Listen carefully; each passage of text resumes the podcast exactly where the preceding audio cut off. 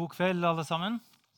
Eh, Tankesmien Agenda eh, holder regelmessig quiz-kvelder her på Kulturhuset. Noen av dere som har deltatt på quiz?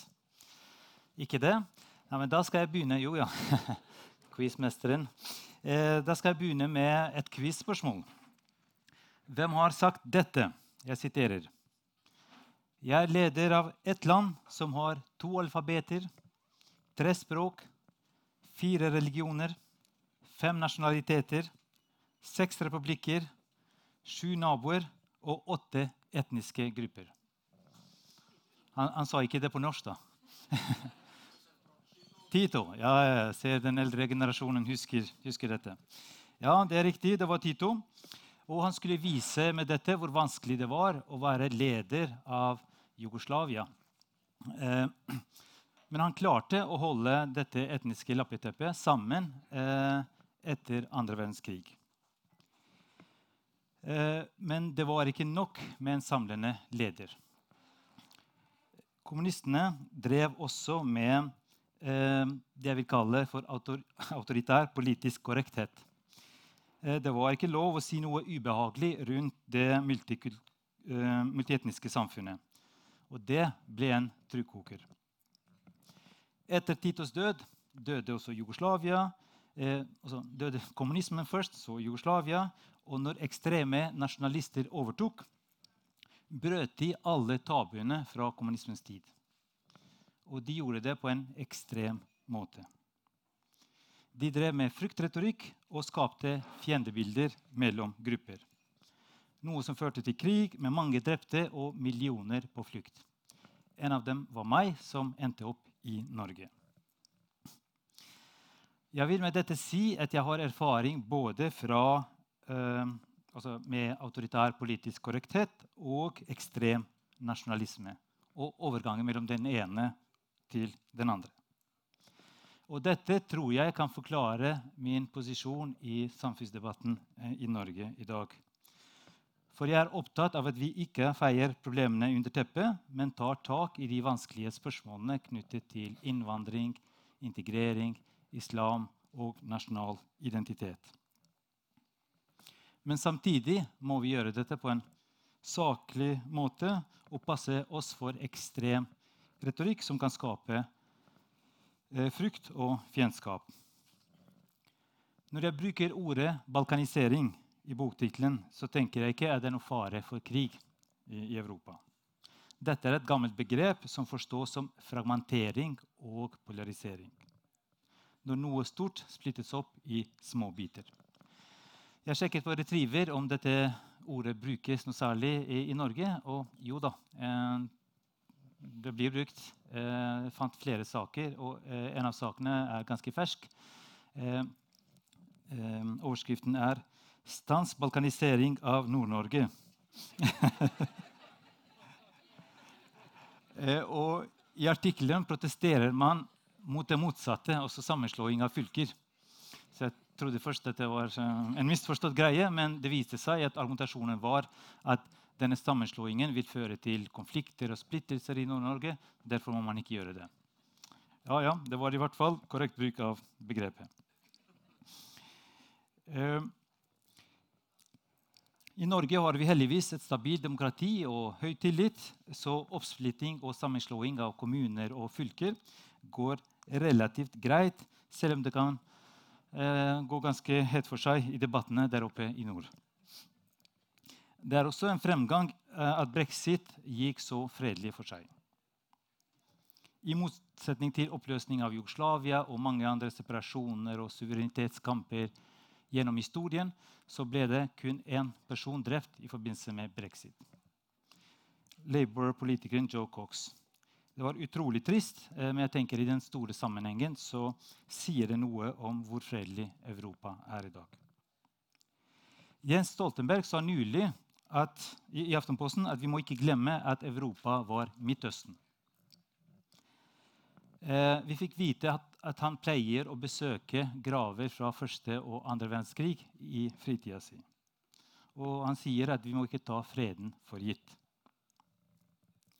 Jeg tar ikke freden for gitt, for jeg har andre erfaringer enn de fleste i Vest-Europa, eh, som har bare opplevd fred og stabilitet. Eh, I Europa etter annen verdenskrig har vi hatt den lengste perioden med fred eh, noensinne. Og den gode nyheten er at eh, også i verdenssammenheng eh, er de langvarige trendene positive når det gjelder akkurat krig og fred. Syria er et veldig trist eh, unntak. Men ellers er det stadig færre kriger og stadig færre drepte i de krigene som er. Jeg skriver noe om det i boken min. Grunnen for hvorfor dette er good to know, er både for å feire menneskelig eh, fremskritt i en tid med mye pessimisme, men også for å lære hva som skal til for å sikre fred og stabilitet. I Jugoslavia hadde vi først tyranni, så fikk vi kaos. Nå forsøker de å finne en balanse mellom demokrati og kaos. Eh, Steven Pinker sier at demokratiet er historisk sett det beste middle ground mellom tyranni og kaos. En stor del av æren for hvorfor verden er blitt fredeligere sammenlignet med tidligere tider, eh, er demokratiske institusjoner, økt internasjonal handel og internasjonalt diplomati. Dessuten er vi blitt mer opplyste og mer tolerante. Det er den internasjonalt baserte orden og ikke den balkaniserte som vi hadde tidligere, som har gitt oss mest fred. Men i dag ser vi forverring av situasjonen på tre viktige områder. For det første ser vi en svekkelse av den internasjonale liberale verdensorden. Parallelt med svekkelse av verden, altså Vestens dominans i verden. Ikke det at vi har brukt denne dominansen alltid smart, men eh, vi har ikke den samme innflytelsen og samme eh, selvtilliten som vi hadde tidligere. Og dette har skapt større eh, handlingsrom for autoritære regimer som svekker folkeretten og menneskerettighetene. Annektering av Krim er et eksempel på dette. For det andre er vi inne i en trend med demokratisk revers i verden. Ifølge Freedom House, som årlig måler demokratiets kår i verden, så eh, har de registrert i 2017 at vi har fått mindre demokratisk frihet i verden på ellevte år på rad. Mange nye demokratier har feilet. For det tredje så ser vi at demokratiet er under press også i vår del av verden, hvor demokratiet tradisjonelt har stått sterkt. Så vi kan heller ikke ta demokratiet for gitt. For demokratiet er ikke lenger the only game in town. Spørsmålet er hvorfor er demokratiet under press? Jo, fordi tilliten til demokratiske institusjoner er svekket. Det er mange som ikke føler seg representert, og det er mange som ønsker seg en sterk leder. Og vi har fått flere slike sterke ledere den siste eh, tiden. Videre ser vi at, oss, at antisystempartier får økt oppslutning i, i, Vesten, noe vi ikke har sett tidligere. Og vi ser også en økende polarisering eh, som svekker viljen til kompromisset. Noe som er helt, noe demokratiet demokratier er helt avhengig av. På sitt beste kan eh, populismen demme opp for voldelig ekstremisme og fungere demokratiserende. I den forstand at man mobiliserer eh, folk som har mistet tilliten til det politiske systemet. Det som er problemet med populistiske partier, er først og fremst deres demokratiforståelse. Som minner meg på den demokratiforståelsen vi fikk i Jugoslavia etter kommunismens fall. Da tenkte man at demokratiet betyr at flertallet bestemmer. Punktum. Man brydde seg ikke om mindretallet. Det er slik demokratiet har blitt et flertallstyranni i land som Russland, Tyrkia, men nå ser vi en utvikling i den retning også i Polen og Ungarn, for å nevne noen. Så man er pro-demokrati, men anti-pluralisme. På sitt verste kan populisme frembringe demagoger til makten, som så undergraver demokratiet. Valg alene gjør ikke uh, et land demokratisk. Frie valg beskytter ikke oss mot dårlige valg. Trump er et eksempel på det. Hadde det ikke vært for domstoler i USA, så hadde han gjort USA mye mer autoritært. Et annet problem med økende populisme er brutalisering av debatten. Ting som har vært helt uhørt for en del år siden, er blitt vanlig å høre i dag. Hvor vi er på vei, eh, er det vanskelig å vite, men det er ingen tvil om at vi ser en balkanisering på flere områder som er urovekkende. Jeg har reist til flere steder i Europa for å prøve å forstå situasjonen eh, med økt spenning mellom EU og tidligere østeuropeiske land spenningen mellom folk ute i distriktene og elitene i hovedsteder, spenningen mellom innfødte europeere og muslimske innvandrere, og spenningen mellom nasjonal identitet og globalisering. Jeg skriver også om fake news og balkanisering av mediene, som er en viktig del av eh, forklaringen. På mange områder føles verden som mer kaotisk i dag enn den har vært for en del år siden. Vi må forstå at mange føler seg usikre i møte med globalisering og raske endringer. Når alt flyter og ingenting står fast. Avmaktsfølelse og fremmedfølelse er viktige stikkord i boken min. Men det er ikke sterke ledere vi trenger. Det vi trenger, er større toleranse for meningsforskjeller og større toleranse for verdiforskjeller. Vi trenger også å håndtere innvandringen på en måte som ikke gir folk en følelse av at ting er ute av kontroll. Jeg mener at vi kan kombinere solidaritet og kontroll på en bedre måte enn i dag. Videre må vi hindre etnisk segregering i europeiske storbyer. Og vi må bli flinkere til å snakke om det som er og bør være felles i en tid der mange krefter prøver å splitte oss. Så min motivasjon til å skrive boken er å bidra til bedre debatter rundt disse temaene. Jeg har et kapittel i boken som heter 'Identitetspolitikken Krekar og jeg'. Så la meg lese litt fra den.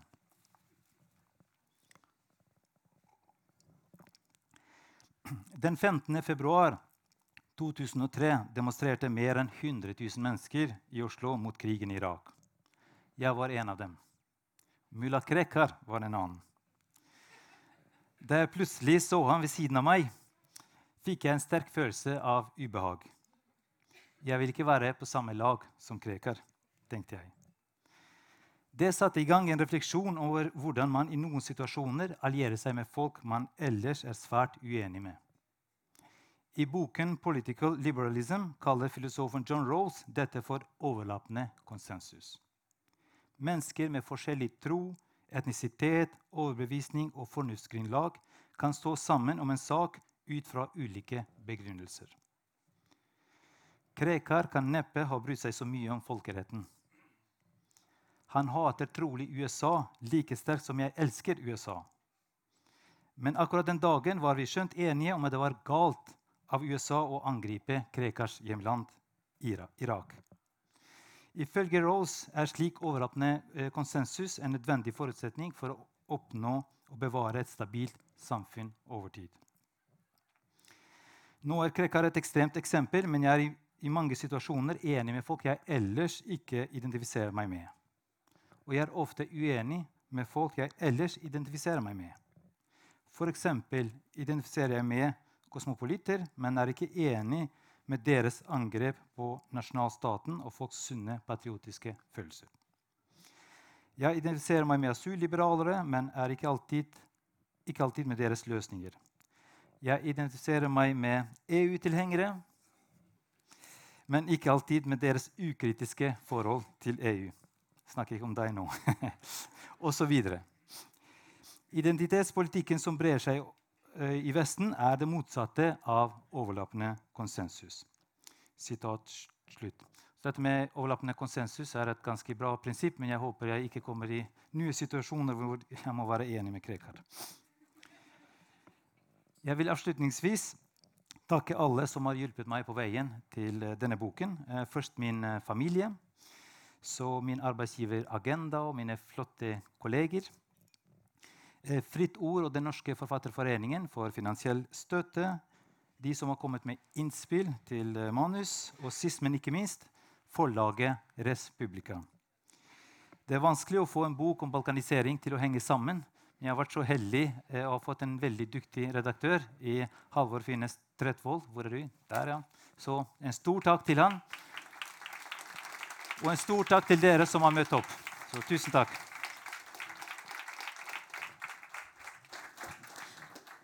Takk, eh, Sylo. Det som er fint med boken, er at du tross alt eh, slutter optimistisk. Ja, kom igjen. Ja, Ja, kom igjen. tusen takk.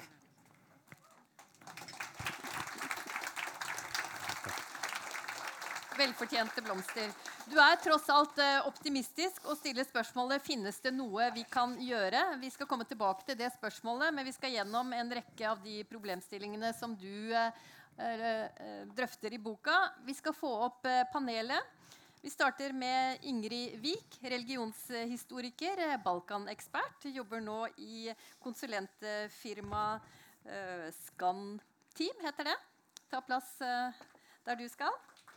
Så har vi eh, en, en annen Ingrid. Ingrid Brekke, journalist i Aftenposten. Tidligere tysklandsk eh, korrespondent. Du tar også plass.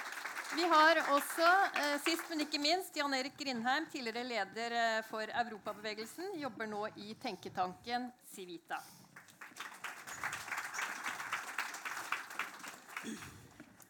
Balkanisering av eh, Europa. Ja, er vi egentlig enig i det Sylo skriver i boka? Er det, er det tendenser? Ser du disse tendensene, Ingrid Vik? Ja, jeg tror eh, Sylos diagnose er, eh, er en riktig en. Og jeg, er enig med han i, mye, i mange av analysene og mange beskrivelsene av Europa. Det siste jeg så før jeg gikk hjemmefra i dag, var et oppslag i i den kristne avisa Vårt Land, hvor overskriften på den var 'Jeg blåser i menneskerettighetene'. Og det var fra en eh, innvandringstalsmann for Frp som i forhold til bønnerop der eh, religionsfrihet settes til side for, eh, for noen andre hensyn. Det er et eksempel på at man fragmenterer noen prinsipper. Og så er det kanskje grunner til det, og det må man jo diskutere, som jo Sylo tar til orde for. Ingrid, eh, er du bekymret for balkaniseringen av Europa? Ja, det er jo vanskelig å, å ikke være det eh, nå til dags. Eh, så kan man jo Altså Man kan jo være litt eh, hvor, hvor alvorlig er tilstanden, og går det bare den gale veien? Og hvor eh, lenge har det holdt på? Og, altså, det, sånne ting kan man diskutere. da. Jeg har nettopp hatt en, en samtale med en venninne fordi at jeg får sånn følelsen av Jeg, jo sånn, jeg har jo vært en veldig sånn Europa-optimist. Og den første boka mi handla jo om hvordan alt bare har gått bedre, og, og, og særlig da med, med de postkommunistiske landene. Og nå sitter man her og tenker sånn, her har jeg vært helt på jorda, her har jeg vært kjempenaiv. Hvorfor har jeg ikke forstått dette, at nå er det mye som snur? da? Og da sa venninna mi at men Ingrid, du må huske at det er vår erfaring. Ikke sant? At, at man blir jo litt uh, sånn som det man opplever. da. Uh, og i min verden har det vært litt sånn som Sylo også sa i sin uh, innledning. Men det, men det gjør jo også at uh, det gjelder å ha det, det riktige perspektivet. Og noe jeg har oppdaga veldig når jeg har vært i, i Polen eller i Tyskland eller i Norge, det er at man ser ganske forskjellig, verden ser ganske forskjellig ut. da. Eh, Så det er alltid litt sånn hvem man spør og, og sånn. Jan Erik, eh, som eh, ihuga EU-tilhenger, så vil jeg sitere fra boka. Serberne startet med andre ord en krig som førte til balkaniseringen av Europa. Balkanisering vil si å dele opp et større rike i små, svake og lite selvstendige stater som ofte er fiendtlig innstilt mot hverandre, akkurat som på Balkan på 1990-tallet. Er det sånn at EU nå eh, knaker i sammenføyningene, eller er du optimistisk? EU har vel alltid knaket i sammenføyningene. Det er jo ikke alle som er like glad for å være sammen på den måten. Eh, og det er klart at Vi står overfor en tid eh, hvor ikke minst flyktningsituasjonen viste en krise. Og krisen var jo ikke at det kom flyktninger, men at ikke Europa klarte å løse det i fellesskap. som Syl også skriver om. Men så må jeg si at eh, Når du leser denne boken, så blir du likevel glad. fordi at Sylo snakker om overlappende konsensus, men likevel med et verdisett som peker fremover, og som har tro på fremtiden. Jeg jeg kan jo reklamere hemningsløst på et agendaarrangement. Løp og kjøp. Det er en virkelig god bok. Og den, du skriver veldig godt om at det er et håp i en veldig vanskelig situasjon. Du skal ikke ha eh, fått mye kunnskap om eh, populisme før du skjønner at det er ett tema som eh, virkelig fyrer opp populismen og populistene, og det er innvandring. Og Sylo, du skriver mye om dette i boken. Og da det kom eh, hundretusenvis av eh, flyktninger, asylsøkere, til Europa i 2015, så er det kanskje ikke så rart at det ble en oppblomstring av populismen, og at den er forståelig? Altså, migrasjonskrisen skapte to typer reaksjoner. Eh, både medfølelse og solidaritet og sterk mobilisering for å solidarisere seg med eh, flyktningene. Bare i Norge så har, så har en av tre nordmenn eh, gjort noe under migrasjonskrisen som gitt en eller annen hjelp til, til flyktningene. Eh, men samtidig så, eh, så skapte det også angst og, og frykt for eh, hva som skal skje. For det kom veldig mange samtidig. Eh, og det folk reagerte på, er den følelsen av at ting er ute av kontroll. At uh, de institusjonene man har laget for å håndtere slike ting, som Schengen-avtalen, Dublin-forordningen og sånt, ble satt ut av spill. De fungerte ikke. og EU fremsto som handlingslammet. Man så hvordan folk krysset grensene. Man hadde, man, man, hadde, man hadde, ikke registrert dem. De kom helt til Norge uten å bli registrert noe sted. Eh, og det var store uenigheter i EU. Og, og undersøkelsen viser da at eh, de aller fleste eh, europeere var misfornøyd med hvordan EU har håndtert denne saken. Så da eh, man trengte EU, da man trengte felles løsninger, så viste det seg at EU var eh, en del av problemet mm. fordi man ikke klarte å løse dette. Og da innførte nasjonale stater eh, grense, grensekontroll. Og da fikk du en tilbakegang. Da, fordi grensefriheten er den største manifestasjonen av frihet og, og, union i Europa. Så fikk du grensene tilbake, og da snudde liksom verden seg eh, opp ned. Eh, og, og, så måtte noen ta grep, og jeg beskriver i boken hvordan, hva som skjedde under, eh, altså under Um, migrasjonskrisen og hvordan, uh, altså, hva slags polarisering det var, og hvordan lederne i EU håndterte dette. Mm. Ingrid Vik, eh, du har jobbet mye på Balkan. og Ser du en sammenheng her mellom religion og innvandring? Tenker du spesielt på Balkan? Nei, jeg tenker litt generelt. Altså, I debatten, den politiske debatten så er jo religion på en måte blitt uh, løftet som, uh, som problem én. Uh, Dvs. Si islam, først og fremst, i, i, diskusjonen om innvandring og integrering i Norge. Det er interessant, fordi det er jo andre grupper, altså andre religiøse grupper som også har dominert i, i, i innvandringen til Norge. F.eks. Eh, katolske eh, polakker. Og det har hatt konsekvenser for den norske katolske kirken, som har en tradisjon for å være en liberal kirke, og som da blir utfordret av, av nye, eh, nye troende. Sånn at hele debatten om innvandring er veldig ensidig og, kunne med hell vært liksom, brettet seg ut og handlet om mer enn bare islam. Så det er vel et tegn på populisme. da, At man får en litt sånn eh, ikke så saks, eh, saksorientert alltid debatt. Selv om selv debatten om islam også er kjempeviktig. naturligvis. Angela Merkel var eh, viktig på flere måter under flyktningkrisen.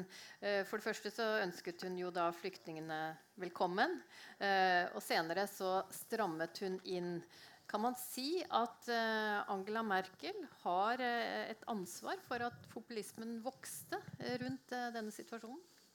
Ja, Det er jo den store interne partidebatten hos de tyske kristeligdemokratene. Det. Er det Angela Merkels skyld at Alternativet for Deutschland, altså dette høyrepopulistiske partiet, ble så stort.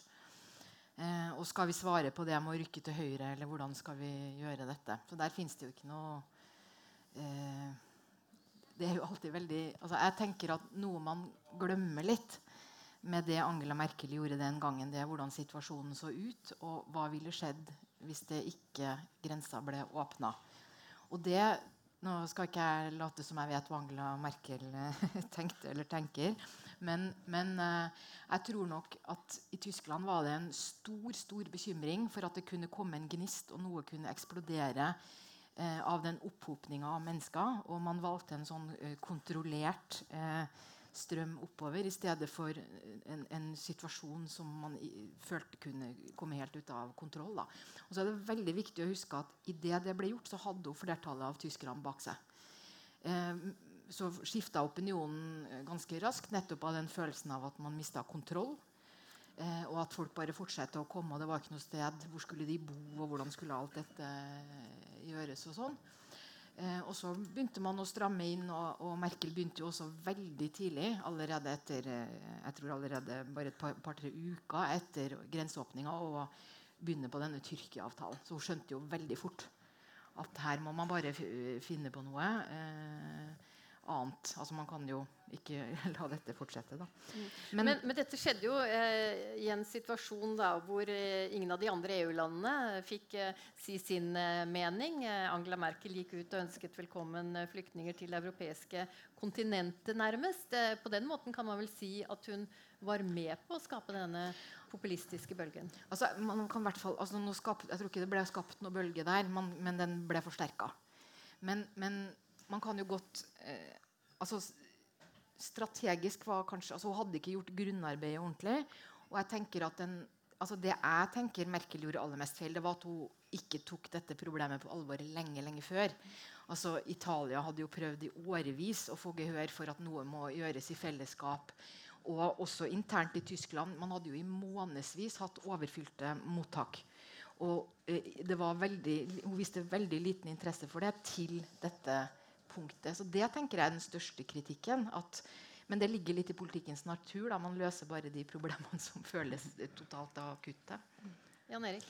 Ja, jeg reagerer litt på spørsmålet litt, fordi jeg føler eh, no, Denne boken handler jo om, om, vår sjel, om den liberale sjel vi har i Europa, og troen på menneskerett og demokrati. og da synes jeg det er litt vanskelig å skulle si at uh, det å være åpen og si schaffen das, og det å, å, ha tenkt gjennom ut ifra hennes grunnprinsipper og tro at vi må være åpne når det kommer flyktninger At det da skal være med å skape en populisme Jeg syns det er litt um, feil utgangspunkt å ta. Jeg, jeg synes i utgangspunktet vi må ha en sånn åpen holdning.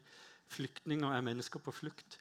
Uh, og da å være åpen og ønske dem velkommen, kanskje mot politisk fornuft men ut ifra et hjerte. Det syns jeg er veldig viktig. Og det er det Europa er. og det er det jeg føler Syle prøver å få frem i denne boken, at vi har et hjerte og en hjerne i Europa som går forbi bare politisk strategi. Det var selvfølgelig strategisk ikke smart, men det var um, et åpent hjerte. Og det er veldig viktig. Mm. Et åpent hjerte, men samtidig så øh, fyres jo også populismen opp av et øh, opprør mot eliten. Absolutt. Eliten som ønsker øh, flyktningene velkommen. Ja da, og, uh, det er ikke noe tvil om det. Men det som jo er ganske interessant i denne sammenheng, det er at uh, den største oppslutningen om um, populistisk parti Jeg er ikke så glad i den betegnelsen, men det kommer vi kanskje tilbake til, for du skriver også godt om det her. Den største oppslutningen har vi i de rikeste landene i Europa, i de landene som har størst grad av likhet, som har lavest arbeidsledighet. Altså i det hele tatt Alle suksesslandene i Europa de har da høyest uh, støtte til populistiske partier. og Det stikker i strid med veldig mye av det som ofte sies, at det er i fattige land med stor ulikhet osv. Så, videre. så det, det, er et merkelig fenomen at det er i de landene hvor vi har det veldig godt, at vi skal bli så veldig skremt av dette. Sylo, du har bedt om ordet. Ja, jeg, jeg, tenkte Når det gjelder uh, Merkes uh, rolle um, så det ble en konflikt eh, mellom europeiske land etter migrasjonskrisen. Så vi fikk ikke bare den spenningen eh, innad i vestlige land eh, med økt populisme, men også mellom EU og Visegrad-landene, eh, som fremdeles holdes varm eh, og brukes av de autoritære ledere der eh, til, i, i, sin på en og, og anti-EU-retorikk. For det er jo veldig et eh, stort paradoks da, at uh, man snakker så mye om islam og faren for islam i Polen, som har 0,1% muslimer. Eh, og i Ungarn det snakkes jo hver dag om den muslimske faren. Vet dere hvor mange eh, muslimer som bor i Ungarn? 0,0006 eh, Helt utrolig eh, hvordan man kan måte, manipulere publikum på, på den måten. Eh, men, eh, men, de følte seg overkjørt da, av EU eh, to ganger. Både når Merker inviterte flyktningene, og når man vedtok disse obligatoriske, den obligatoriske kvoteordningen, da, som fremdeles man prøver å finne en løsning på. Så der er jeg litt kritisk til EUs fremgangsmåte. At de brukte veldig mye energi på denne løsningen, som var nesten dødfødt fra, fra starten. For analysen da, fra Brussel var at eh, det, var så, eh, det var ikke noe problem hvor mange som kommer. Problemet var at de ikke ble fordelt eh, riktig. Og da satset de på at de landene som ikke hadde eh, tradisjoner med å ta imot asylsøkere, skulle begynne å gjøre det. Som Polen, Ungarn eller Ungarn var jo et viktig transittland. Eh, Romania eh, De tidligere østeuropeiske landene. Men de, de, var ikke interesserte. Eh, så da fikk vi denne, eh, denne spenningen, som er en, en dimensjon av balkaniseringen. Mm. Ja, Ingrid Eh, Sylo skriver om den smertefulle østutvidelsen av eh, EU. Og Innunder dette så kommer jo også motstanden mot eh, å ta imot flyktninger. Eh, hva er det som har skjedd i enkelte østeuropeiske land? Nei, Det har vel ikke skjedd eh, noe annet enn at de har ingen erfaring med eh, å skulle være et sånn type mottaksland. De har et eh, historisk forhold til islam eh, med det ottomanske riket, og sånn, som er dem, det grunnlaget de tenker på. De, noe, de vil bestemme selv eh, av for så vidt forståelige eh, grunner. Men jeg, tenker, jeg vil bare si litt om dette tyske perspektivet. fordi Det er ganske viktig å skjønne hvordan Tyskland tenker i dette spørsmålet, fordi det er det største og mektigste landet i Europa. Og for Tyskland er EU et verdifellesskap. Og De har nok tatt det som en slags selvfølge at de landene som vil være med i EU, de skjønner dette. Det er derfor blant annet, da, altså Det er selvfølgelig flere grunner, også økonomiske og, og markedsmessige, og sånn, men det er først og fremst et fredssamarbeid og et verdifellesskap. Og det at disse frontene oppsto, tror jeg det kom litt sånn bakpå. At det var så sterkt. Og det tror jeg har gjort veldig dypt inntrykk på hvordan Tyskland skal tenke om EU i framtida. Og vi ser det nå. Nå driver man jo og forhandler budsjett for neste periode. At man kanskje vil knytte penger mer til sånne verdispørsmål. altså øh, øh, hvordan man behandler øh, migranter. Utdanningsspørsmål, altså forskjellige andre ting, og ikke bare sånn bruttonasjonalprodukttenkning. Og det vil føre til at pengestrømmen styres litt bort fra øst og ned til sør. Eh, og Det er en slags konsekvens tror jeg, at, at, uh, av at ikke minst da Tyskland føler at nå må vi tenke litt annerledes. og må vi, vi, må kanskje akseptere at EU blir litt mer eh, oppdelt i sånn indre kjerne og litt mer omkringliggende. Fordi at det viktigste for oss fortsatt er disse verdiene. Mm. Eh, og, og, der er det de, selvfølgelig eh, Denne øst-vest-konflikten har vokst så voldsomt. da. Mm. Og så ser vi også denne oppblomstringen av økt eh, nasjonalisme. Eh, eh, Jan Erik, eh, hva kan vi si om det i, i eh, lys av østutvidelsen? Tenker du I sentrale Øst-Europa, eller tenker du i resterende gam, gamle EU? Nei, jeg tenker i eh, de, de nye de landene. Nye, ja, nei, mm. men det er nok en sånn, Jeg var med studenter en gang til Praha i 1990. Og Da var det en historiker som sa det å høre på stemmen fra Brussel er om å høre den gamle stemmen fra Moskva. Så det er klart det er en viss følelse av at du styres utenfra. Eh, som Syl også var inne på, at Merkel med sin entusiasme for verdi, verdiene sine overkjører dem. Eh, og det, det, er klart at Der er det nok en veldig sterk um, frykt som sitter i ryggmagen for at dette er en utenforstående makt som skal styre oss slik vi ble styrt tidligere. Ja. Eh, det er en populismeekspert som heter Kasmode, som jeg tror har oppsummert dette veldig bra i måten han eh, formulerer, eh, eller definerer populisme. Han sier at det er en illiberal respons på ikke-demokratisk liberalisme. Altså illiberal respons på ikke-demokratisk liberalisme. Fordi man tenker at disse liberale verdiene er jo eh, gode verdier. Derfor kan vi eh, tvinge østeuropeiske land til å bare eh, på en måte iverksette tiltak med flertallsbeslutning i EU, så, så, må de jo bare gjøre det fordi det er gode ting. Men så får de denne illiberale responsen tilbake. Og, og, det er et problem for disse populistiske eh, partiene. Eh, de også vekker nasjonalistiske følelser i, i Øst-Europa. Og dette må også ses litt i sammenheng med utvikling ellers eh, i, i, verden. N når det gjelder Polen, da, så tror jeg at mye skyldes både de historiske erfaringene med at de har stått på egne bein, de har blitt sviktet flere ganger i historien, og de ble veldig skremt nå av uh, eh, Russlands annektering av Krim og fremgangsmåten i Ukraina. Eh, og så føler de at med brexit så blir eh, Tyskland mye sterkere. Og de føler seg litt i skvis mellom Russland på den ene siden og Tyskland. Og ønsker, har stormaktsambisjoner og ønsker å kunne stå litt mer på egne bein. Og ser EU, som de har sett på som en sånn kilde til trygghet og velstand og forbundet med alt det gode, ser på som kilde til utrygghet. fordi hvordan skal de klare å beskytte oss hvis de ikke klarer å beskytte sine egne grenser? Hvis, hvis, de ikke klarer å takle terror? Så de ser mer mot USA og, og, og, og satser på seg selv eh, i, i større grad. Ingrid? Jeg, jeg tenkte på, på, på altså, entusiasmen for EU på Vest-Balkan, altså i de tidligere Jugoslava landene der. Den har jo egentlig vært uh, sterk. Det har vært gulroten uh, for demokratiprosesser eller for prosessene, reformprosessene. Men så ser vi jo også at uh, viljen til å faktisk gjennomføre reform, er, det, det, er med på papiret. Og, og det har gått altså, over 25 år siden Dayton-avtalen. Nei, 23 år siden Dayton-avtalen. Og Bosnia er i hengemyra, Kosovo er i hengemyra. Mm. Og Makedonia har ikke spesielt god utvikling, selv om man har fått en bedre regjering. Og Serbia og Kroatia er kanskje de som klarer seg best. Og det er um, en alvorlig situasjon for, uh, for, den regionen. Og spørsmålet er jo hva, uh, hvordan man skal håndtere det. da. Jeg skriver et kapittel om Makedonia som jeg synes er interessant, for den viser også at utviklingen kan gå i positiv retning. Eh, den verste populisten kanskje i Europa hadde man i Makedonia, i Grøvskij. Veldig eh, nasjonalistisk. Eh, så man kunne f.eks. isolert det landet enda mer. Men så viste det seg at opposisjonen klarte å mobilisere seg. Så vi har fått en veldig progressiv regjering der.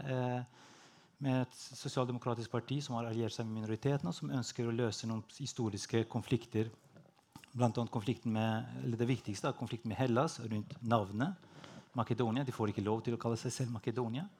Eh, og så konfliktene med både eh, albanere der og med alle nabolandene, med, med, Bulgaria og Nato. Og Jens Stoltenberg personlig er veldig eh, sterkt involvert der. Så det sier noe om at ting kan gå også i riktig retning. Og, og derfor må man ikke gi opp eh, Ungarn og Polen, for det fins mange krefter der som, eh, som på en måte står på og ønsker å um, på en måte ikke, sørge for at disse landene ikke blir isolert. Ingrid?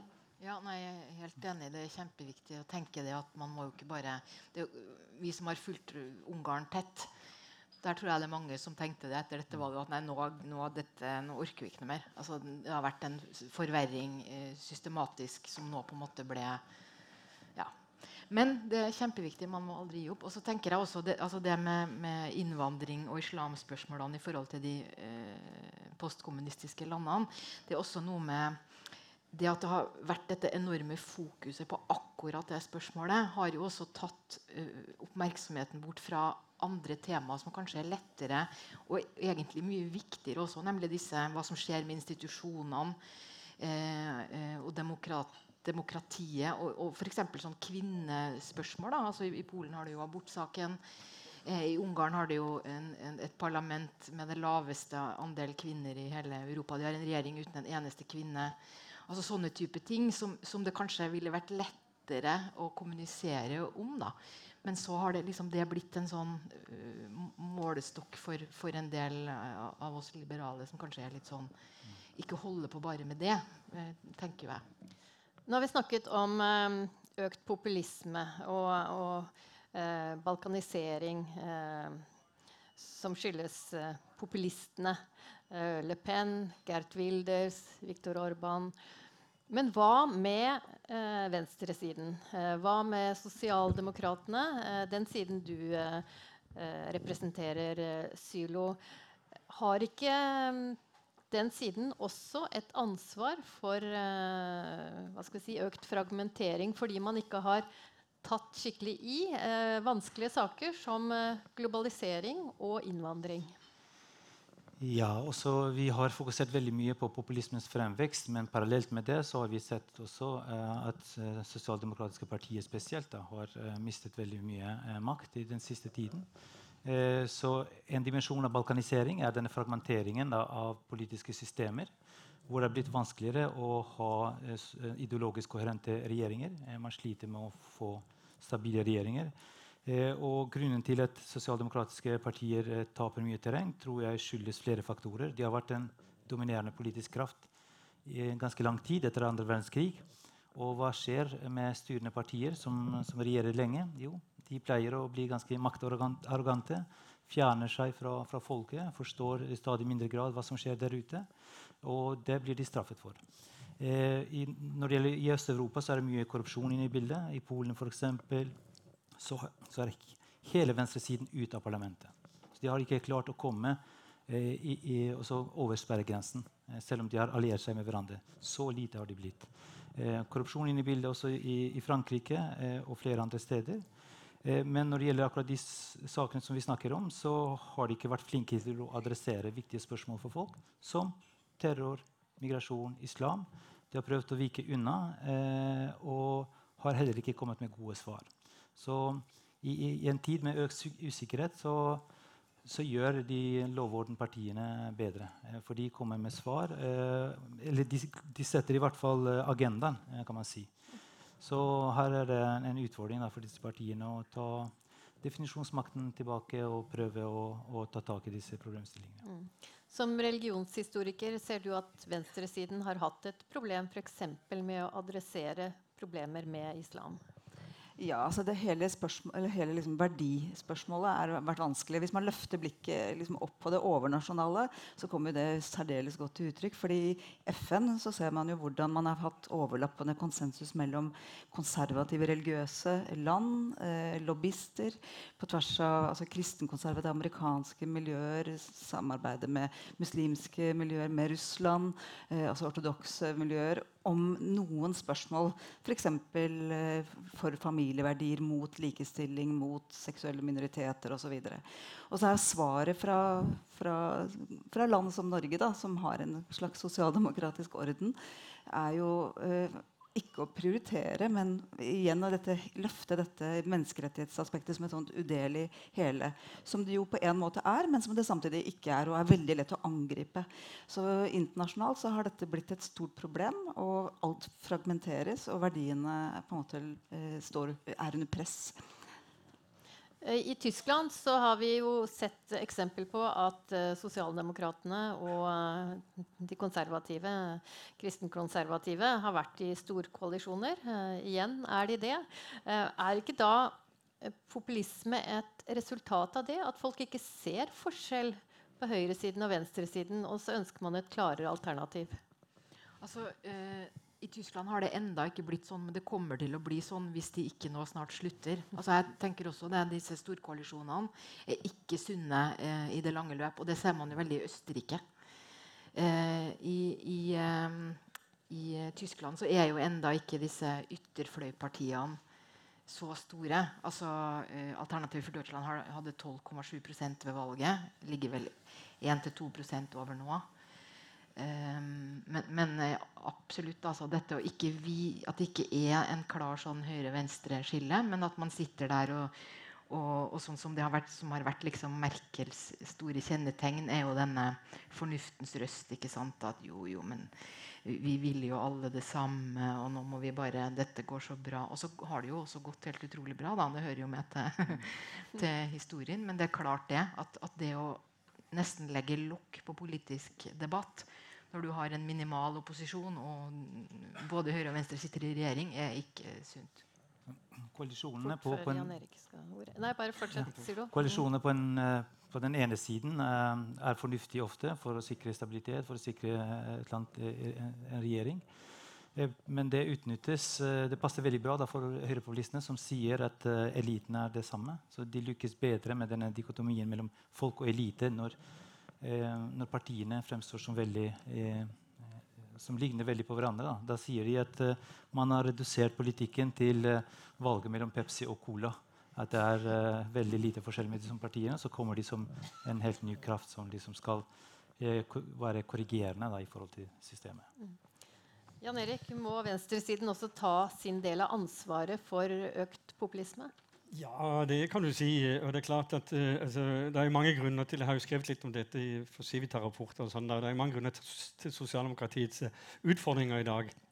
Uh, og det er nok litt sånn, altså, Hvis du ser på velgerne til sosialdemokratiet, så, så, har de jo forsvunnet fra de fleste klasser, unntatt høyt, offentlig, høyt utdannede offentlig ansatte. Det er liksom SV og, og Arbeiderpartiets stemme Eh, ressurser i Norge. Og, og, det er klart eh, De andre har nok eh, fjernet seg til andre partier. Og grunnen til at mange da, mer um, høyreorienterte populistiske partier får støtte, ikke minst blant det som du veldig ofte siterer her, Nigel Farage uttrykk 'real people', det er nok fordi at de føler at uh, de er sviktet av uh, de som egentlig skulle tale deres sak. Og det har jo noe med at uh, Sosialdemokratiets politikk har jo vært ganske vellykket fordi at vi har fått en mye bedre velstandsutvikling vi har fått mye bedre individuell frihet og, og valgmuligheter gjennom utdannelse og, og, og bedre eh, arbeidsvilkår osv. Da er det litt sånn trist at det er ikke noe som er så utakknemlig som velgere. De forsvinner ofte fra de partiene som har hjulpet dem fram. Så det, Der er det en stor utfordring som nok går utover akkurat dette, og, særlig fordi at mange da, som, um, som, føler at uh, de ikke har sikre jobber og ikke har den muligheten til å velge sin fremtid, de føler seg veldig utrygge når du får en økt innvandring. Mm. Brexit eh, er jo det ultimate europeiske eksempelet på eh, økt populisme. Um, nå har jo EU slitt med disse forhandlingene og holder på med sitt. Men hva vil du si er EUs svar på disse utfordringene, denne balkaniseringen av Europa? Tenker du hva jeg syns de skulle svare med, eller hva de kanskje ja, kommer til å svare med? Blande de to. Ja, eh, vi, altså, Jeg er jo stygget redd for at altså, Litt tilbake til Sylos argument tidlig om at uh, migrasjonen og innvandringen til Europa var et uh, det, det, var EU en del av problemet. Ja, men det er jo først, altså, alle problemer i EU stammer egentlig fra at nasjonalstatene ikke ønsker dette fellesskapet. Og det er politikere, da, særlig da høyrepopulister i Norden, også venstrepopulister, som spiller veldig på dette nasjonal selvråderett. Så EUs store problem er jo medlemsstatene. Det er det store paradokset. Um, fremover så håper jeg da at vi sier, uh, som også jeg føler du skriver her, da, Sylo, ja takk, mer Europa, mer fellesskap, mer felles løsninger. Men jeg frykter at det kan gå den andre veien. Og det avhenger da at de partiene i midten, eh, i det vi i Norge vil da si er Høyre og Arbeiderpartiet, altså de partiene som sliter med at de er styringspartier og ansvarspartier, de må da ta et tydelig og klart eh, standpunkt og si at det som har skapt denne fremgangen, det som Sylo tidligere har sagt, det er de internasjonale, den internasjonale orden av frihet og samarbeid, integrasjon, og, og ikke gi etter for at alternativet til det, det er en, en selvråderett som da er slik du skriver veldig godt i boken, en balkanisering i form av at vår eh, velferd er avhengig av at de andre ikke tar del i den. Ja, EU, eh, mer Europa, er eh, ditt svar eh, på balkanisering.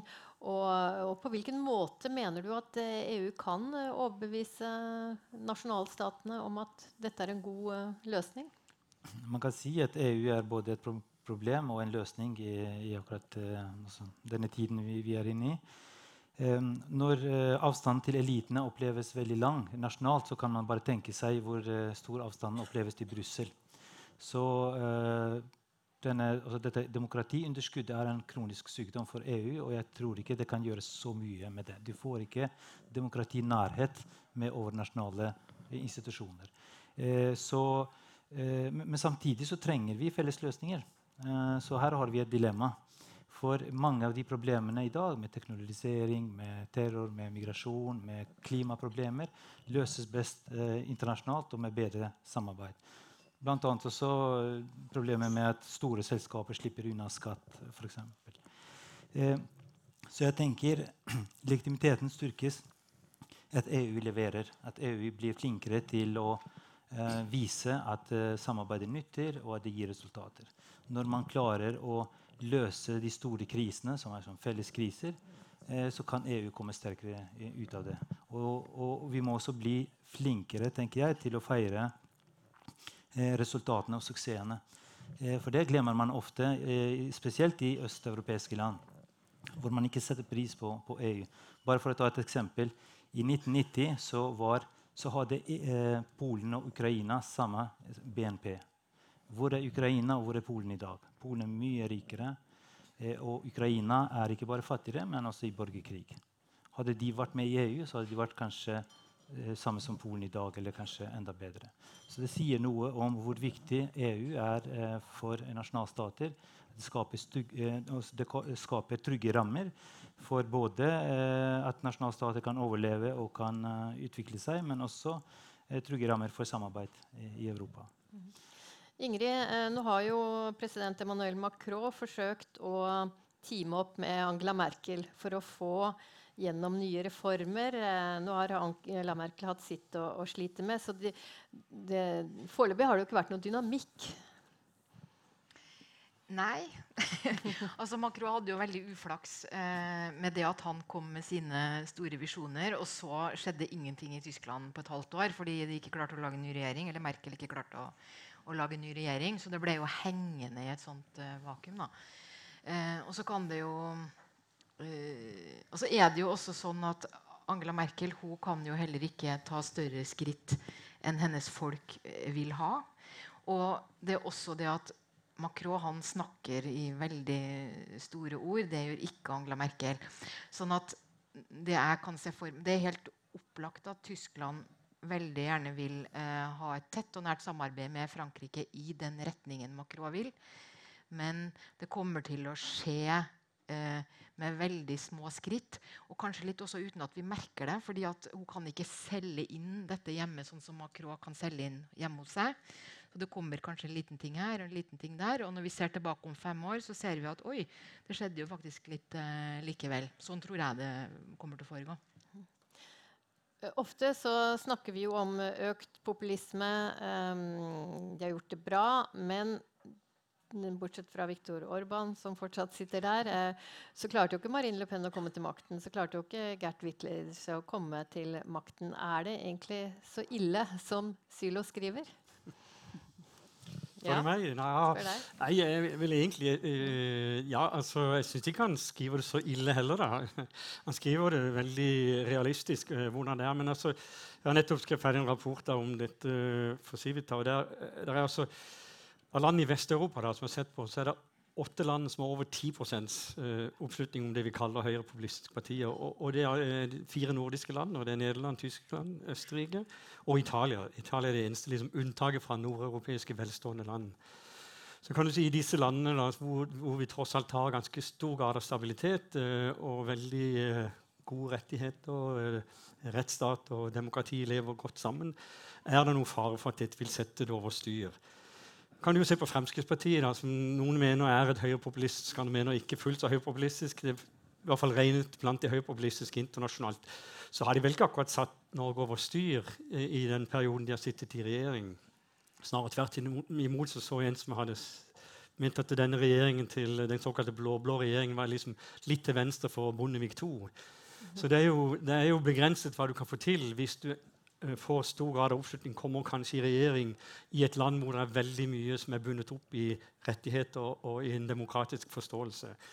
Men det er klart, i disse nye demokratiene Jeg har jo skrevet en del om sydeuropeiske land og sydeuropeiske demokratier eh, hvor det var stor grad av utfordring når de gikk fra diktatur til demokrati. Og de nye sentrale østeuropeiske så, så, er det klart at det er mye mye tøffere og mye mye vanskeligere å se at det går i en riktig retning.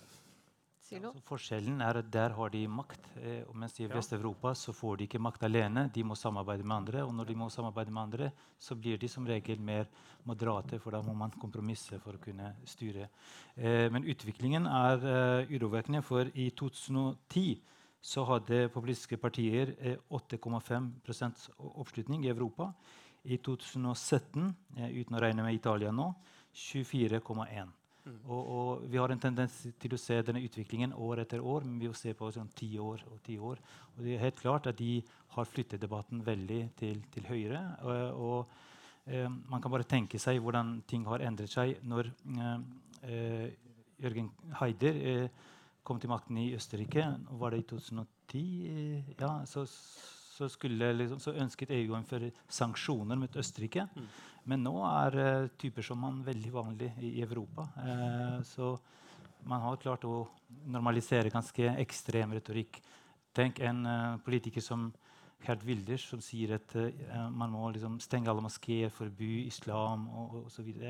Veldig ekstreme uttalelser som før bare du kunne høre fra helt marginale høyreekstreme grupper. Og så snakker en som er statsministerkandidat i et veldig liberalt land som Nederland.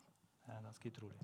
Ingrid. Et, et, element som du ikke skriver eksplisitt om, men som ligger implisitt når du skriver om media, det er jo dette med eh, hvordan kunnskaps, eh, kunnskapsregimer blir utfordret. Hvordan mening sidestilles med kunnskap. Altså, man kan ha en debatt om klima. Da for eksempel, og så sitter det en, som, en, forsker som representerer et tungt forskermiljø, og så sitter det en politiker, og så ligger svaret et eller annet sted midt mellom. Det vil være liksom en sånn naturlig forståelse.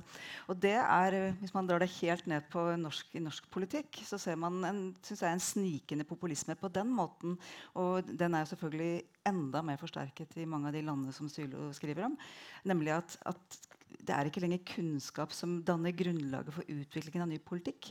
Jeg snakket med en kommuneforsker som påpekte den trenden over kanskje 10-15 år. Og det tror jeg også gjør noe med, med altså Det er denne dynamikken mellom, mellom offentlig debatt Eh, politikk og media, hvor man blir kortsiktig i beslutningene. Og det, det, hvis man skal oppnå det Sylo eh, tar til orde for, så krever det et langsiktig, visjonært politisk prosjekt. Det ser man ikke fra sosialdemokratene, men man ser det ikke fra populistene heller. Eh, så det er kanskje det jeg tenker må være eh, en forventning fra velgerne til politikerne. Nemlig staket kurs, vise vei. Hvorfor driver man med politikk, egentlig? Ingrid, før vi begynner å åpne for salen her? Nei, jeg syns også det er veldig spennende altså, et, et, spenningsmoment er jo også hvor mye er liksom hyl og skrik, og hvor mye er ekte motsetninger. Og da tenker jeg f.eks. på Polen og Tyskland. Eh, hvor, Polen, hvor, den nåværende polske regjeringa er veldig negative til Tyskland og vil ha krigserstatning og, og holde på med masse greier. og lagt veldig stor vekt på at man skal ikke kalle det nazister under krigen, man skal kalle det tyskere. altså Sånne type ting for å i, hausse opp stemninga. Og veldig anti-Brussel. og sånn. På den annen side så Tyskland hever seg jo litt over dette og pleier veldig tette, nære kontakter til Polen. Og, og de tror jeg ikke har blitt veldig mye dårligere, egentlig. Og Merkel var jo eh, eh, kansler også forrige gang Kaczynski, eh, altså han som egentlig styrer Polen, da han faktisk satt eh, og var statsminister. Og hun klarte å snakke med dem da også. Så det er liksom noe med Når det kommer til krita, eh, hva er eh, dette? Og bare sånn siste Jeg blir jo også veldig urolig av denne balkaniseringstanken. Og det er mye å være redd for. Men jeg blir også alltid litt roligere når jeg er i Tyskland. Fordi der har de disse store perspektivene så present. da. Og jeg husker jeg var i, i XDDR og intervjua en om eh, fremveksten til Alternativ for Deutschland for et par år siden. og liksom, hvordan skal dette gå? Så sier han men du, du vet, dette er en del av verden. Vi skal være glad for at det lever noen folk her enda i det hele tatt. Og da får du liksom litt sånn ja, det, Europa er nettopp dette. Var en gang Midtøsten, og, og, og hvor ille blir det? Og, ja. Vi skal åpne for eh, dere. Dere får en eh, mikrofon, og si gjerne hva dere heter. Eh, kom med spørsmål, eh, betraktninger. Hvem vil være først? Ikke vær så beskjedne, da. Skal vi se Noen som eh, tør å ta det første ordet? Der borte. Bra. Da er det flere.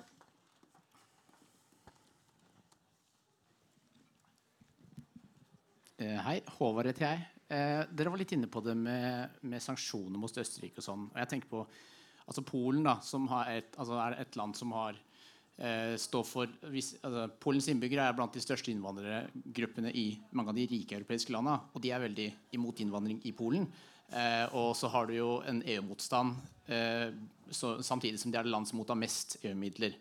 Eh, og også i forhold til Nato, hvor Stoltenberg sier at altså, Nato er en samling av 28 demokratier. Hvilke sanksjonsmuligheter eventuelt, eller hvilke muligheter er det for å legge press på Polen og Ungarn og de landene som beveger seg i en antidemokratisk retning?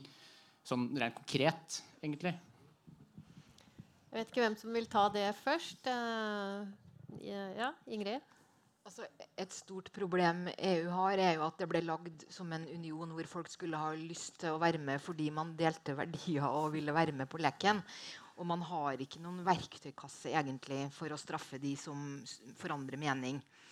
Eh, og så vil jeg bare si dette med at eh, Polen er så EU-fiendtlig. altså Polakkene er jo ikke det. altså De er jo fortsatt blant de varmeste EU-tilhengerne, selv om regjeringa deres mer lefler med dette hatet mot Brussel og sånn. Så når du spør, så er det jo litt sånn i disse postkommunistiske landene at generelt har man jo ønska EU veldig også for en beskyttelse mot sine egne tilfeldige eh, regjeringer. hva de nå kunne finne på.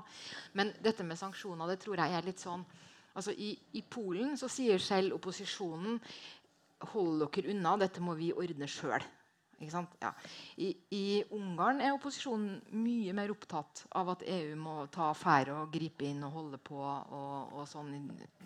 Men, men, problemet er igjen man, man kommer ikke egentlig til å klare det. Men, men det som jeg nevnte i stad med EU-budsjettet, det kan jo være en slags sånn indirekte eh, pressmiddel. Da man knytter penger opp til rule of law maktbalanse. Sånne type ting.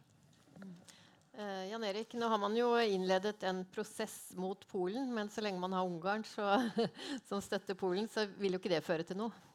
Nei, altså, det er jo Noe av problemet med EU er jo selvfølgelig sanksjonsmuligheter. Jeg kan ikke si noe om Nato, for det kan jeg ikke noe om. Eh, men, eh, men klart, veldig mye av det som har utviklet seg som du sier, også i EU, f.eks. euroen også, da, euroen ble jo innført med stor bravur osv. Så, videre, så var det ingen som har tenkt på ja, hva hvis ikke det fungerer som det skal. Og Det er jo noe av EUs problem. Så det eneste du har muligheter for å straffe, da, det er å, å ta de ut av, av si, ja, Du får ikke være med i forskningsprogram eller får ikke være med i regionalt program osv. Men det er jo ikke store pengene til syvende og sist. Så, så, egentlig så har EU veldig lite makt bak kravene. De har bare denne drømmen. Og hvis ikke du har lyst til å være med i drømmen, så er det ikke så mye Og Problemet med sanksjoner er også at det rammer alle polakker. Eh, og da vil man også svekke legitimiteten til EU. Det, det man trenger. Så mm. man må finne måter eh, å reagere på som rammer bare på en måte regimet og ikke polakkene. Og det må man også være varsom på når man snakker om disse problemene. At polakkene ikke føler at de blir tråkket på, eh, og ungarerne ikke føler at det er, eh, det er, noe galt med dem. Men eh, at man hele tiden er presis mot, mot regjeringene og, og snakker om hvor viktig EU er egentlig for dem. Det var en til der nede, litt lenger ned. Skal vi se Ja, Han eh, tok det første spørsmålet mitt. Jeg heter Snorre. Jeg er eh, sentralstyremedlem i Europeisk Ungdom og studerer balkanstudier på Universitetet i Oslo. Det jeg lurer på er, eh, Vi ser jo, da, dere gjør innom på det, og det er at de resterende Balkanlandene er jo pro EU. Eh, vi har nå fått, eh, nå har EU gått ut og sagt at de går inn for at eh, Makedonia og Kosovo skal eh, bli medlemsland. Jeg, jeg, lurer på at hvis, Kan vi vise til en eventuell progresjon i de landene til de resterende EU-landene som nå viser seg eh, til å være kritiske. Eh, særdeles Ungarn, hvorav vi nå eh, Fides vil egentlig bare mate seg på enhver integrasjon fra EU. Silo? Ja, også, ja, akkurat I Ungarn så, så, så, er de ikke interessert egentlig i å trekke seg ut av EU. Eh, det er ikke det eh, det handler om, men, de kjører eh, likevel en veldig hard retorikk mot EU. Og spesielt eh, fordi også Spesielt knytte det til, til innvandringsspørsmålet kan man si, og det spørsmålet om nasjonal identitet. Eh, når det gjelder Polen, så er saken kanskje litt annerledes. For jeg tror Polen eh, vil etter hvert være mindre avhengig og kanskje ikke avhengig av det i det hele tatt av eh, overføringer fra EU. Og da er de sterke nok til å klare å stå på, på egne bein. Så det kan hende de selv vil være interessert i å trekke seg ut av, av EU etter hvert. Og spesielt hvis de opplever EU som, som, et hinder og som et problem. Når det gjelder eh, Balkan, så ser vi en fremgang der. Og det kan være et paradoks at vi hvis vi ser en balkanisering av Vest-Europa og europeisering av Balkan. Eh, så der er det en del fremgang. Eh, nå Albania og, eh, og, og Serbia eh, er nærmere eller Makedonia er, er, nærmere EU nå enn de har vært tidligere. Så, så det er jo veld, veldig positivt. Eh, men Kosovo og, og, Bosnia tror jeg har en mye lengre vei å gå. Eh, dessverre. Så, så, har man et dilemma. Skal man, hva skal man gjøre med denne regionen, som jeg mener er en getto i Europa? Eh, skal man importere et problemområde når man har allerede eh, nok av problemer innad i EU? Eller skal man overlate dem til seg selv? Jeg, jeg tror eh, man må, bør ta sjansen og integrere dem, fordi alternativet er mye verre. Og spesielt når eh, Balkan prøver å utnyttes av eh, autoritære regimer eh, som, som, bruker dette til, til eh, sine prosjekter. For å kanskje også destabilisere EU.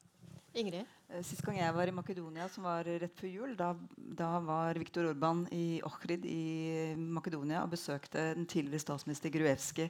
Så det er tette bånd mellom nasjonalistene i Øst-Europa. Og det er ingen grunn til å tro at regjeringen som sitter nå i Makedonia, sitter stabilt. Norge for eksempel, er utrolig bekymret for utviklingen og ser at ikke engang denne regjeringen klarer å ta tak i altså grunnlagsproblemet, nemlig korrupsjon. Eh, et, bare for å illustrere hvor ille det er. Nå har vi en utdanningsminister som virkelig kjører reform og er veldig progressiv. Hun blir trolig skiftet ut med en, en albansk politiker fra DUI, som har vært med i regjeringskollisjoner i mange år, også med Gruevski. Og de har interesser i de gamle skolebøkene. altså rett profittmessige interesser. Derfor vil de trolig blokkere de nye skolebøkene. Sånn er det. Det er, det er Makedonia i dag. Så det er et stykke vei til EU for Makedonia også. Mm. Vi tar imot flere spørsmål. Der sitter det en.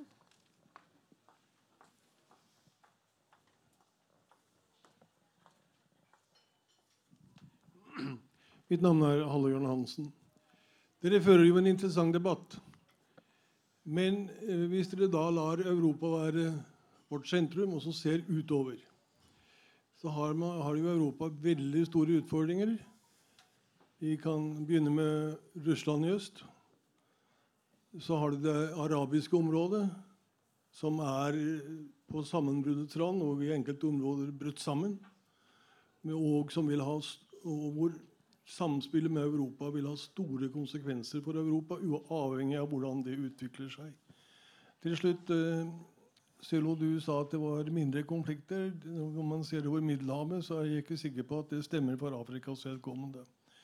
Afrika er preget av veldig mange ting. Til dels bra utvikling i enkelte områder, og til dels veldig dårlig utvikling andre steder, eller forfall.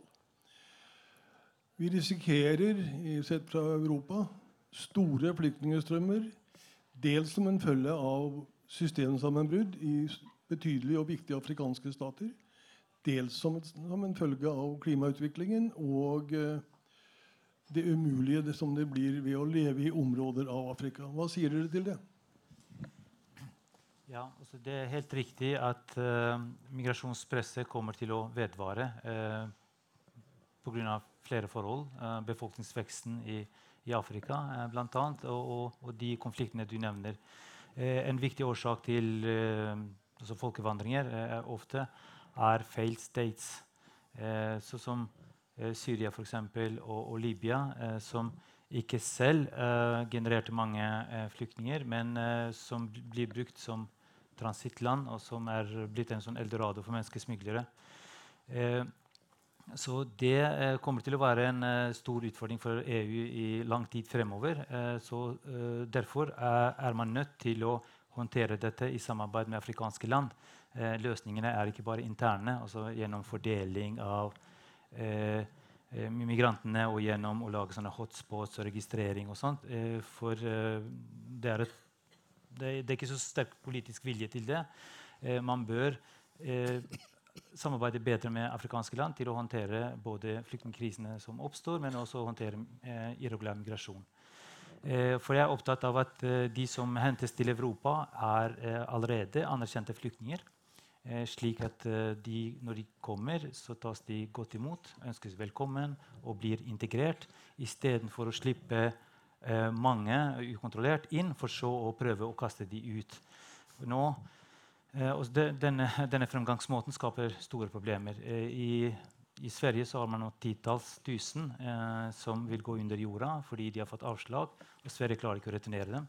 I Tyskland hundretusenvis som vil få avslag, og som man ikke får returnert. Så vi vil få store grupper papirløse kan man si, i Europa pga. Uh, eh, dette systemet vi har. Uh, og det kommer til å skape store konflikter. Så her er det uh, viktig at EU jobber sammen. Og da har du en fordel med EU. Da. Hvorfor? Fordi EU står sterkere når man skal lage sånne avtaler med tredjeland. Slik man har avtalen med Tyrkia, hvor EU gikk sammen og, og gjorde det. Fordi EU kan, kan da uh, fremforhandle ting som visum, som eh, arbeidsmigrasjon og slike ting med afrikanske land. Eh, det kan ikke individuelle land gjøre. Det var liksom ikke akkurat Sylvi Listhaug som fikset uh, Tyrkia-avtalen. for å si det sånn. Jan Erik? Så det er klart at det, det, det, Ideelt sett så skulle vi prøve å gjøre noe med de um, årsakene vi har for at mennesker er på flukt, eller at mennesker søker seg bort til noe annet og noe bedre. Uh, men jeg må jo si at, at, det er jo ingen, det er vel kun Sverige som kommer opp blant de ti landene i verden som har flest flyktninger per innbygger. Så det er jo ingen europeiske land som er oversvømmet av uh, flyktninger. Det er det ene. Og det andre er det at uh, av og til blir jeg litt sånn fortvilet, fordi at uh, innvandring til et land er jo ikke nødvendigvis negativt. Altså, jeg hadde vært mye mer bekymret for Europa hvis ingen ville komme hit. Altså, da hadde jeg virkelig blitt skremt. Så, så, så, det går jo an å tenke litt mer positivt. at dette også, altså Økning i befolkningen gir, gir veldig ofte også økning eh, økonomisk vekst osv. Og, så og det kan berike, tross alt. Jeg vet at Her er det mange utfordringer med integreringspolitikk osv. Men det at det kommer mennesker til et kontinent, er ikke i utgangspunktet et problem.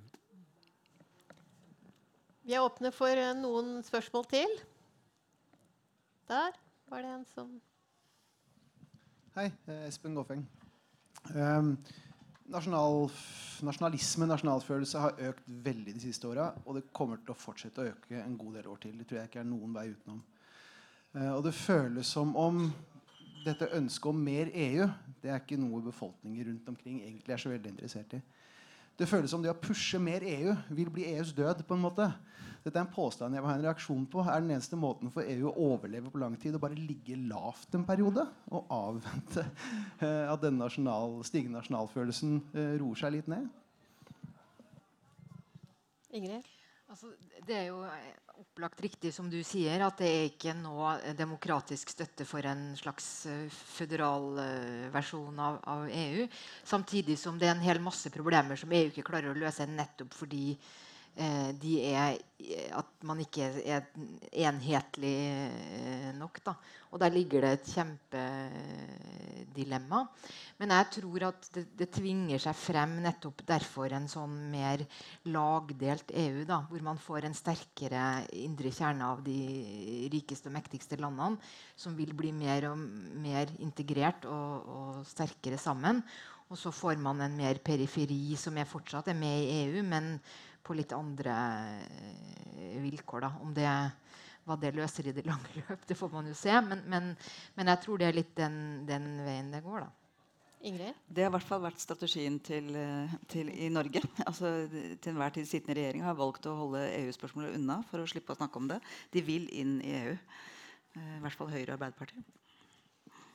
Er det løsningen at EU ligger lavt? Ja, altså det er noen som sier at EU er det som å sykle. da. Hvis ikke du trør på pedalene, så, så, faller du. Så det må være en fremdrift. da. Men um, altså, Jeg tror jo på et føderalt Europa, men føderalisme er jo ikke sentralisering av makt. Jeg hadde en amerikansk professor som belærte meg dette en gang, at dere europeere tror at føderalisme er å sentralisere makt. Men det er det motsatte. Det er å ha makt uh, nedenfra og opp. Det er klart Hvis EU kan klare å få til en bedre føderal stat enn det vi har i dag, hvor makten går nedenfra og opp, helt fra lokale eh, enheter og oppover, så tror jeg absolutt at uh, du kan få til en fremtid i fellesskap. Men uh, som Sylo skriver også her, så, så, var han i utgangspunktet skeptisk til nasjonalstaten, skeptisk, skeptisk til nasjonalismen, uh, men har endret syn. Og, og, jeg har heller ikke noe imot nasjonalstaten. Hva skulle vi gjort med Melodi Grand Prix hvis ikke vi hadde nasjonalstat? Men, men det er jo det å få til den gode nasjonalismen i et fellesskap. altså Forent i forskjellighet, som det står i i EU-hymnen. Og, og, og det, det, er en kjempeutfordring. Men det er klart du må, du må ha et bedre demokrati. Eh, eh, eh vi må redusere det demokratiske underskuddet i EUs institusjoner. Og folk må føle eierskap i dagliglivet til dette politiske prosjektet. Og føle suksessene, og ikke bare når det feiler. Sylo, du har jo reist rundt og sett forsteder i Paris bl.a. Uh, Eh, jeg regner med at du har sett eh, økende forskjeller. Eh, det er ikke så lett å lobbe for EU i, en, i et slikt Europa? Nei, også EU må uh, utvikle seg med også må passe på å ha legitimitet hele tiden uh, i integreringsprosessen. Ikke gå fortere frem enn det, det er grunnlag for. Uh, når det gjelder disse forstedene, så, så, tenker jeg at hvis man skal forstå populismen, så, så må man ikke besøke hovedstedene. Man må ut til, landet. Eh, og det er jo eh, interessant å se disse områdene i Nord-Frankrike som eh, føler seg forlatt pga. Uh, industriens uh, kollaps. Og der er de ikke så flinke som i, Norge med, med omstillinger. Uh, der har man bare glemt de, og så har du uh, generasjoner som går på trygd. Så fra å ha en stolt arbeiderklasseidentitet føler de seg neglisjert og sett ned på. fordi løsningene som blir presentert, er at du må liksom få, få deg utdannelse for, for, å lykkes. Før så, så, kunne man bare være stolt av å være arbeider. Eh, og da kommer Le Pen og sier vi skal liksom ha industrien tilbake, gir dem falske forhåpninger, og vi skal beskytte eh, vår industri og, og, og vår økonomi, som, som, gjør at de blir på den måten da, manipulert, eh, tenker jeg. Men, men, her ligger det også en utfordring for eh, spesielt sosialdemokratiske partier å ikke eh, fremstille utdanningen som, som, løsning på alt, men også gi arbeiderklassen stoltheten tilbake. Og, og snakke på vegne av dem. For eh, det er denne eh, koalisjonen, eller hvordan skal jeg si, det å bygge bro mellom arbeiderklassen og den høyt utdannede middelklassen som kanskje er den viktigste utfordringen for sentrum-venstre i dag. Noen flere som uh, brenner inne der? Ingen kvinner som vil stille spørsmål? Ja, jeg, jeg heter Eirik Kristoffersen. Spørsmål første rekke til Sylo, siden her er også et agendaarrangement. Du har nevnt litt, nevnt litt om uh, sosialdemokratiske uh, verdier og, og, løsninger på aktuelle problemer. Uh, ja, I Norge nå så ser vi jo, det har vært sett to utspill nå den siste uka. Et fra innvandringspolitisk talsperson i, i Arbeiderpartiet, Gharahkhani, et annet fra Helgheim Frp, som hadde du ikke sett uh, avsender, så hadde det vært vanskelig å vite hvem som kom med hvilken. Uh, hvor, hvor, hvor, ser du at sosialdemokratiske løsninger skiller seg fra det som vi tradisjonelt har sett som høyrepopulistisk retorikk og politiske løsninger på innvandringsfeltet? Ja, altså Masud Gharahkhani har sin egen stil. Eh, han eh, kommuniserer Arbeiderpartiets politikk eh, som streng, rettferdig eh, og human.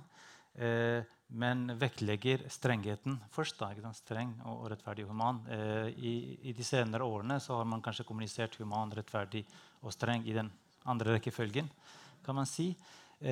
men etter valget så, så man to ting. Det ene er at innvandring var den viktigste saken for velgerne. To, at bare 15% mente eh, at Arbeiderpartiet var, eh, hadde best politikk eh, på dette feltet.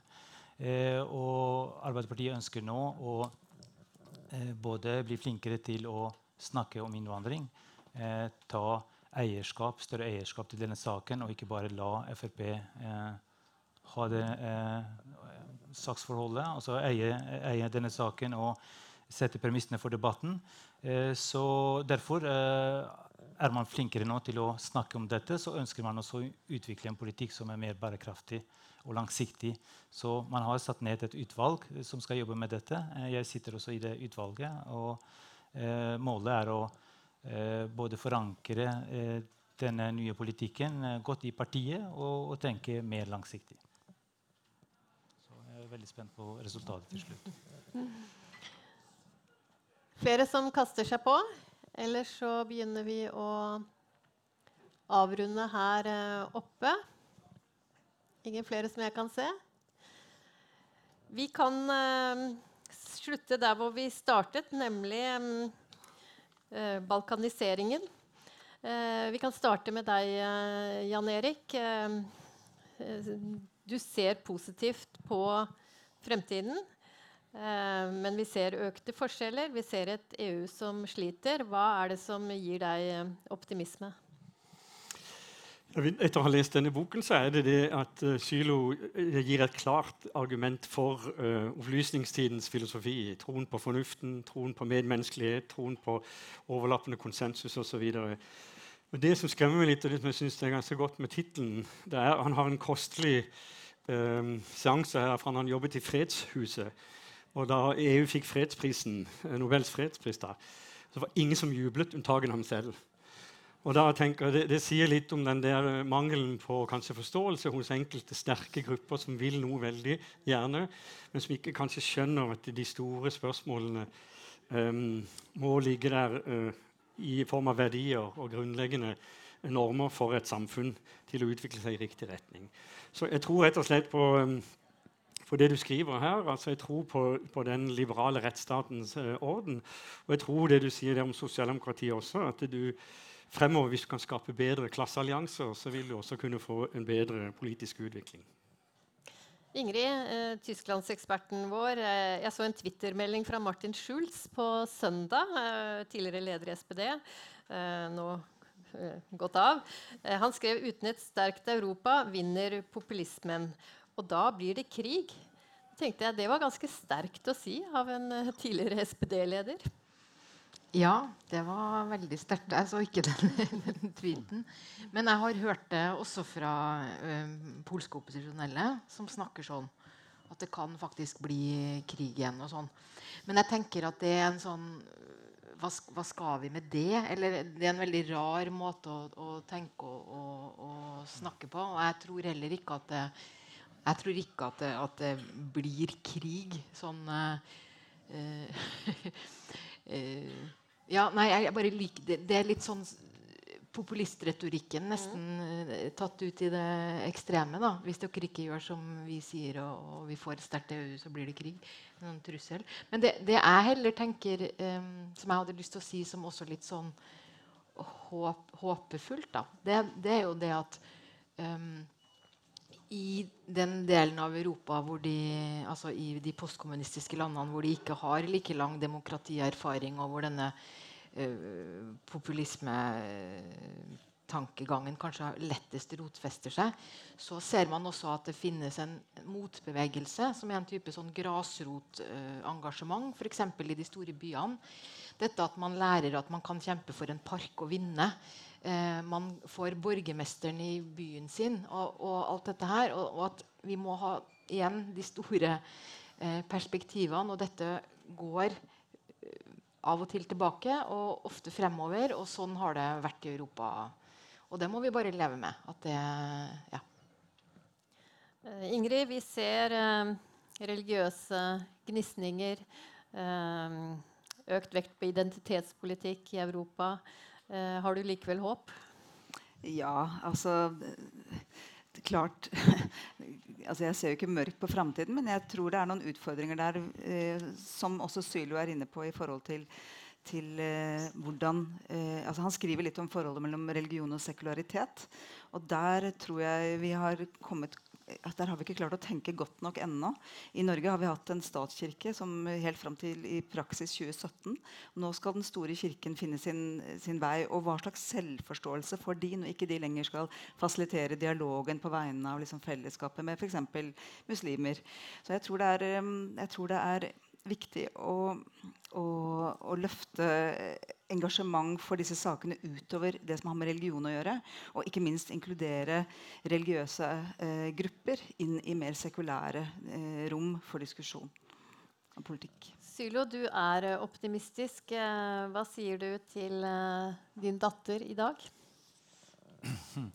Nei, altså det jeg, jeg, tenker er at når jeg kom til Norge, så opplevde jeg at politikken var mye kjedeligere her. Man snakket om småting og brukte lang tid på å bestemme seg. og sånt. Eh, etter hvert så har jeg begynt å sette veldig stor pris på kjedelige, det kjedelige demokratiet. Og jeg håper bare det fortsetter sånn. At det ikke blir for spennende. Eh, eh Macron eh, snakket om eh, borgerkrig av ideer i Europa i dag. Eh, de liberale eh, verdiene og de liberale eh, ordningene vi har i Europa, som vi har bygget etter andre verdenskrig, er under press.